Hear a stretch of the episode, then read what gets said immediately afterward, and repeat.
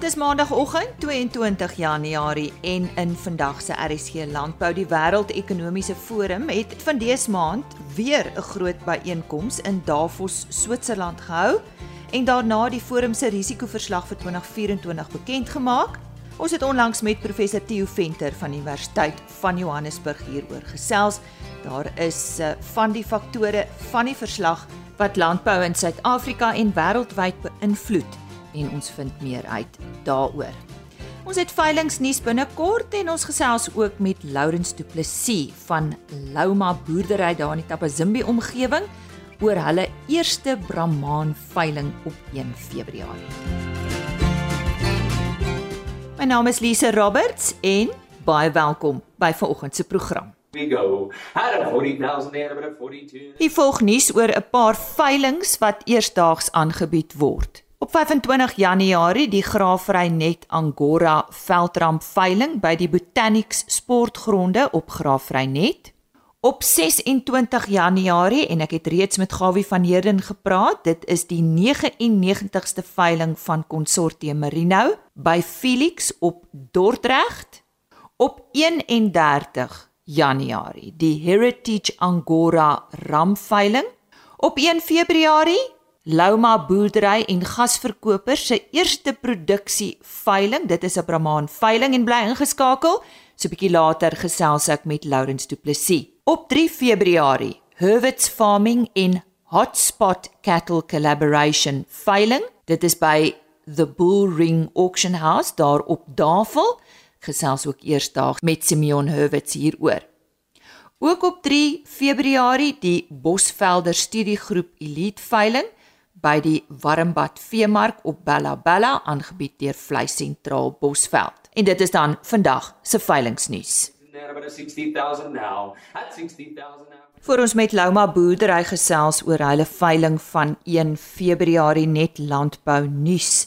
Aan die begin van die 2023-24 somer gewasproduksieseisoen was produsente se voornemens om te plant 4,5 miljoen hektaar wat 2% hoër is as die vorige seisoen. Gegee die terugvoer van 'n graan SA opname, word daar geglo dat produsente hul verwagte plantarea in die meeste provinsies bereik het. As daar enige vermindering in oppervlakte is, sal dit waarskynlik in die wit mieliestreke van Noordwes wees. Aan die einde van Januarie sal die oeskattingskomitee sy voorlopige oppervlakte aangeplante skatting van somergrane vir 2024 bekend maak. Volgens Wandile Sihlobo van Agbus sal hierdie data 'n beter gevoel gee van die aangeplante areas. Die data vir die volgende maand sal ook 'n oorsig gee van die moontlike grootte van vanjaar se oes. Hierdie gunstige produksietoestande ondersteun ook weiveld vir vee, groenteproduksie, vrugteproduksie en ander landbouaktiwiteite. Volgens Wandile Sihlobo van Agbus is die siening waarmee hulle in 2023-2024 se produksieseisoen begin het, dalk pessimisties geweest en Suid-Afrika kan nog 'n gunstige landbouseisoen hê. Baie gaan in die komende maande ontvou, maar daar is nou redes om meer optimisties oor die algemene produksietoestande te wees. As jy nou eers ingeskakel het, goeiemôre. Jy luister na RSG Landbou. Baie welkom. Ons gesels nou oor 'n veiling van 1 Februarie. Ja, dis sommer volgende week en dit is Louma Boerdery se veiling. Hulle is Brahman boere, maar ek gesels nou met Lourens Du Plessis. Lourens, vertel ons nou net eers kortliks van Louma boerdery. Ek het nou vinnig gesê julle boer met Brahmane, maar is seker nie al nie en presies waar is julle? Goeiemôre. Goeiemôre Liesel, goeiemôre al die luisteraars. Groot voorreg om jou te kom praat vanoggend. Dit is 'n nat bosveld uit. Ons het heerlike reën gehad. Ja, om jou vraag te antwoord, waarmee boer ons? Ons hoofboerdery is maar graanboerdery onder besproeiing en 'n bietjie droëland in die Vrystaat, daar in Lindley se wêreld, die Oos-Vrystaat en dan het ons 'n Droughtmaster stoet en ons het die Brahman stoetery hier in Tabazimbi ook en ons het 'n kommersiële kruis Droughtmasters uh in die Vrystaat ook. ja, dit is maar wat my ons besig hou. Ja, en soos ek genoem het ons wildboerdery ook. Ek weet nou of ek dit nou vergeet het. Nee, jy het dit vergeet. Ja, maar ons hoor jou. Sê vir my, hoe lyk omstandighede daar by julle uh, op die oomblik, Lourens? Lisa is lekker nat, redelike wyd verspreide reën. So ons het 'n goeie voor en middeljaar sover. Ons sal maar kyk wat lewer die volgende maande op, maar verder lyk dit goed hier. Ons besproeiingswater is genoeg vir die besproeiing. Ons het net besproeiing en uh dit lyk redelik belovend sover. Ons sal maar die uh, probleme seker maar hanteer soos dit kom. Laurens, nou hierdie veiling van 1 Februarie, dis nou 'n Brahman veiling. Is dit 'n jaarlikse veiling hierdie? Ons gaan dit jaarliks aanbied. Dis ons eerste produksie veiling. Ons is uh nou 5 jaar betrokke by uh, die Witbramaans stoetery.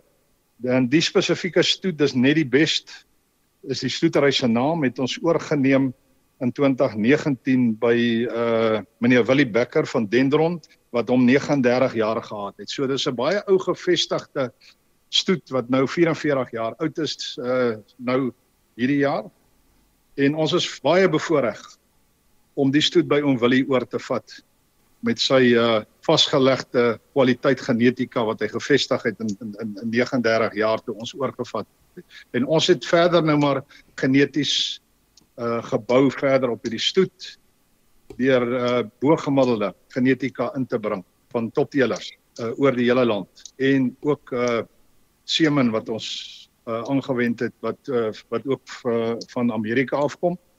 So ons het 'n uh, verskeie genetiese lyne ingebring hierdie om om om hierdie kudde op te teel na beter kwaliteit toe. Lauren sê vir my waar voorteel julle presies? Lisa, ons fokus baie spesifiek op 'n paar primêre uh, eienskappe van die Brahman. En die, uh, die eerste een is vrugbaarheid, uh goeie moedereienskappe, uh fenotipe, hulle eenvormigheid en genotipes, hulle loopvermoë, melk en en natuurlik baie belangrik vir ons hulle temperament.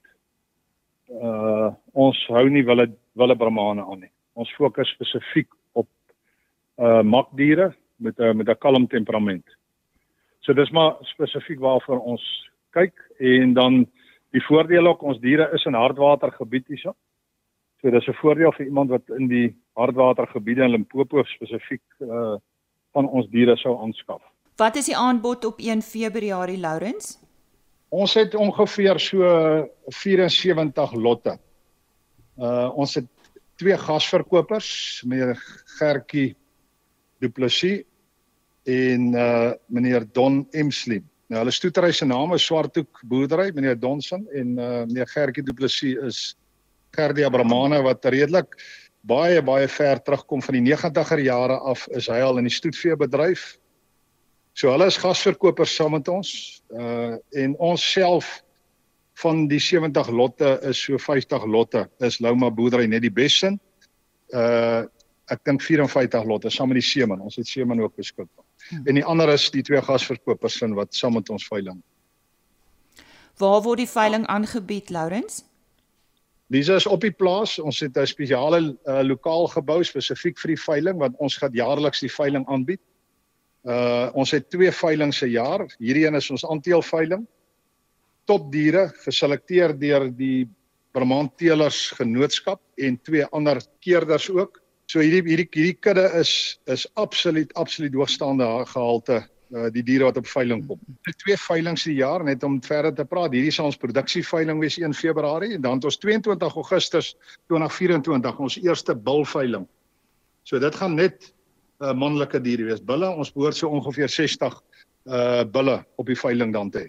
Sê vir my Lourens, uh waar is die plaas as jy nou vir iemand moet beskryf? Abazimbi, Limpopo. Ons is so 200 km uh noordwes van Pretoria en ons plaas waar die veiling plaasvind is so ongeveer 25 km padlands hm. wes van Tabazimbi. En uh, wie bied hierdie veiling vir julle aan? Die twee veilingshuise is uh Vleis Sentraal en uh Simon Hughes SAM Marketing. Hulle albei is betrokke by die by die bemarking en die aanbied van die veiling. Goed, kom ons herhaal net al die besonderhede weer en dan gaan ek vir belangstellendes vra om 'n pen en papier of uh, hulle selfoon in uh, byderhand te hou vir enige kontakbesonderhede. Dit is die Lauma boerdery produksieveiling van 1 Februarie. Dit is 'n Brahman veiling. 11uur daar uh, op die plaas uh, in die Tabazimbi omgewing en ek het gesels met Lourens Duplessis van Lauma boerdery. Lourens, uh, wie kan gekontak word vir meer inligting en uh, miskien net 'n webtuiste? Julle seker op Facebook, aktief op sosiale media soos ek ons boere ken. Uh, gee die besonderhede vir ons deur asseblief. Dis my kontaknommer is 083 258 5824. Ek gaan dit herhaal. 083 258 5824. Hulle kan my eerder kontak. My bestuurspan is bietjie baie besig met die voorbereidings, so dis beter dat hulle my direk kontak. Daar sê en dit word aangebied deur Vleisentraal Bosveld. Hulle behoort ook al die inligting te hê. Kom ons herhaal net weer, uh, dis 1 Februarie Lauma boerdery se Brahman veiling daar uh, in die Tabazimbi omgewing en ek het gesels met Lourens Du Plessis net weer daardie nommer 083 258 5824.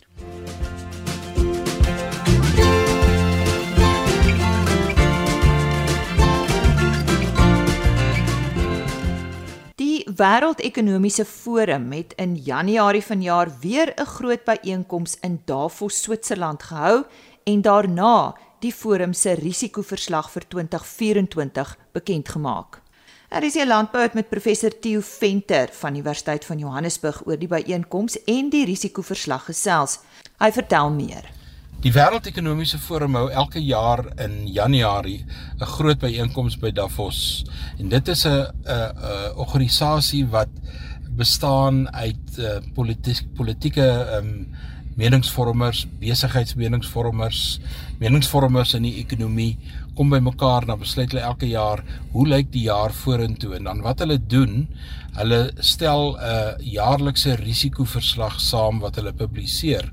En hierdie risikoverslag het nou in die afgelope week beskikbaar geword en die interessante ding is dat die risiko's ehm um, vir vanjaar ehm um, lyk 'n bietjie anders as verlede jaar en 'n klein bietjie anders as die jaar van tevore en 'n mens kan dit 'n bietjie in breë bespreek en sê nou wat het veroorsaak dat die risiko so verander het? Maar in breë trekke kyk hulle na politieke, ekonomiese, sosiale en ehm um, omgewingsrisiko's en natuurlik baie sterk ook risiko's in terme van die uh, die IT wêreld. Ehm um, die wêreld van die internet en van uh, vals nuus en alles wat daarmee saamgaan. Die vernaamste risiko's wat in die 2024 risikoverslag uitgelig word, is klimaatsverandering, geopolitiese faktore en die sosio-ekonomiese maatskaplike faktore.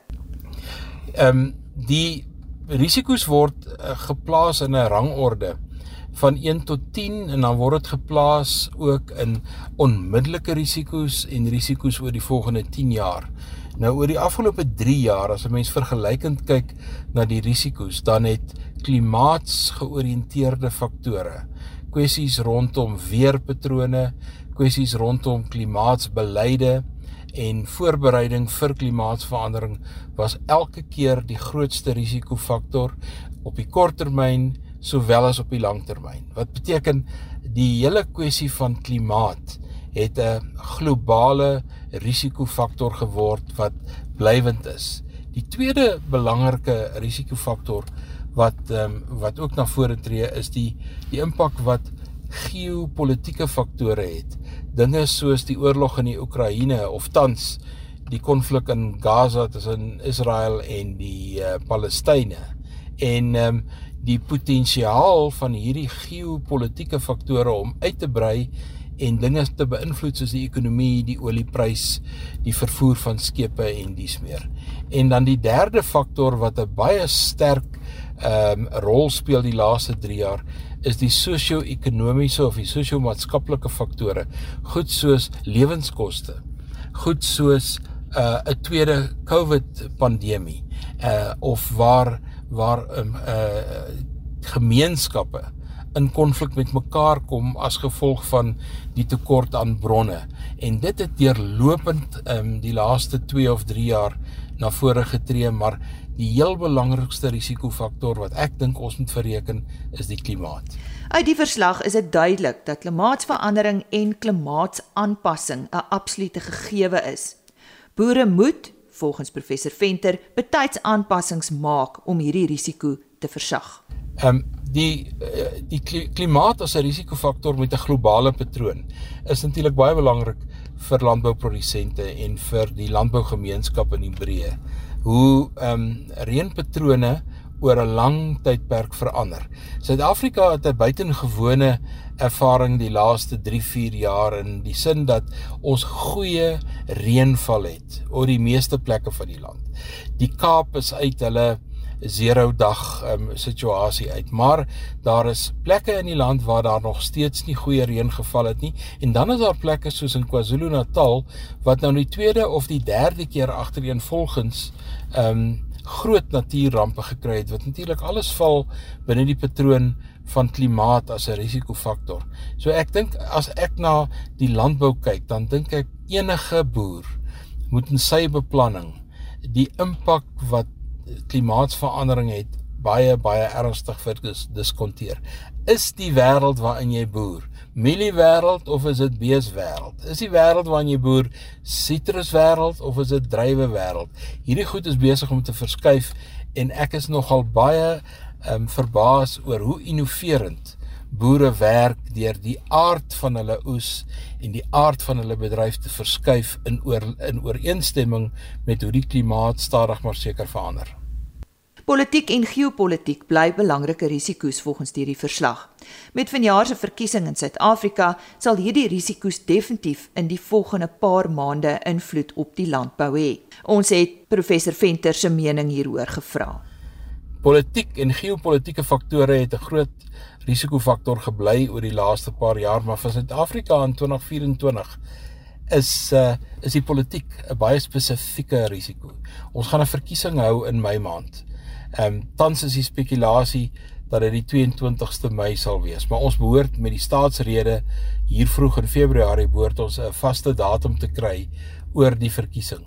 Die invloed wat dit het, het is natuurlik dit bring onsekerheid. Dit bring onsekerheid want die uitkoms kan wees dat die regerende party die ANC nie die 50% doelpaal haal om die regering te bly nie en waarskynlik in koalisie sal moet tree met een of twee kleiner partytjies.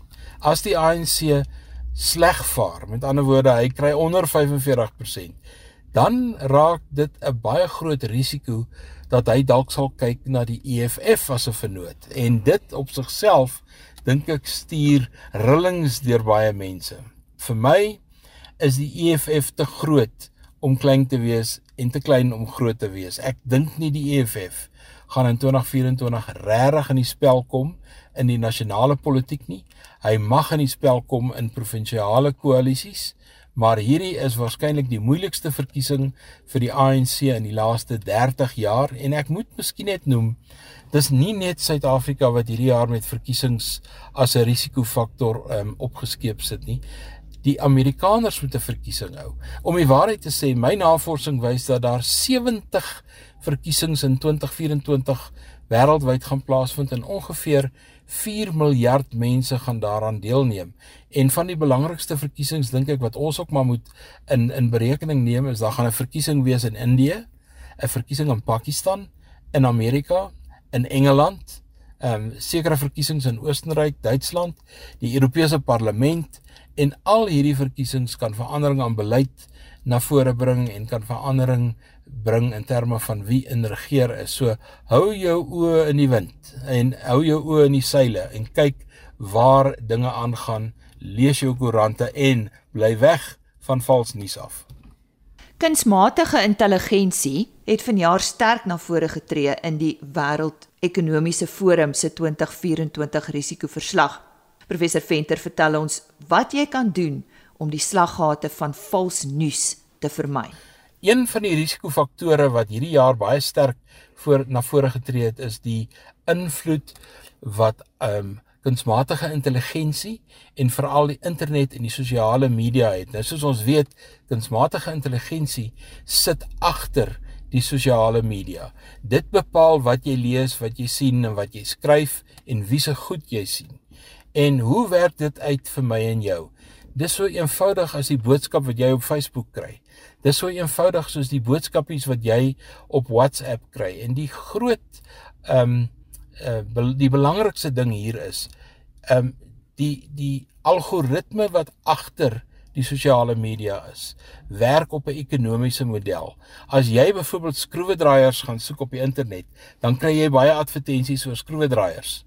Maar as jy nou na die politiek gaan soek en jy soek 'n sekere politieke party op, dan werk hierdie algoritme dat hy gee vir jou meer van dit wat jy soek. Terwyl in die politiek soek jy eintlik 'n bietjie meer verskeidenheid. So wees versigtig vir die boodskappe wat jy kry.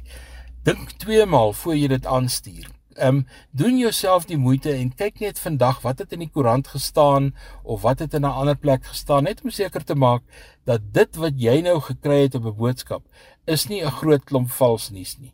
Ons is uit die era uit waar koerante eintlik ons filters was en waar nuus geproduseer is op 'n baie verantwoordelike manier.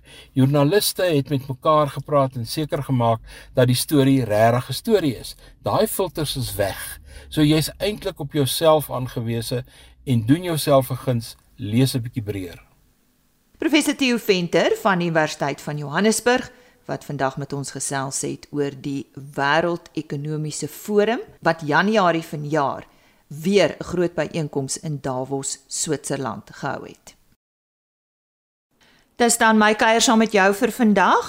Um môreoggend in RSG Landbou. Ek praat met Bruiten Milford van Agri Expo. Nou as jy 'n suiwelprodusent is wat suiwelprodukte produseer of jy's dalk in die prosesering van suiwelprodukte betrokke, die inskrywings vir die 2024 SA Suiwelkampioenskappe het op 15 Januarie geopen, sluit reeds op 5 Januarie en ek gesels met hom oor hierdie kampioenskappe en uh, hoe jy te werk moet gaan as jy nog nie ingeskryf het nie. Maar daar is nog nuus en stories, so onthou om môreoggend weer saam met ons te kuier. RC Landbou is op rsg.co.za as potgooi beskikbaar. Jy kan ook vir my e-pos stuur by rsglandbou@plaasmedia.co.za. En jy kan gaan kyk by www.agriorbit.com. Daar word ons onderhoude ook gelaai. Dit is Blast Media se webtuiste. agriorbit.com. Ek hoop dis vir jou 'n goeie maandag. Totsiens. RSG Landbou is 'n Plaas Media produksie met regisseur en aanbieder Lisa Roberts.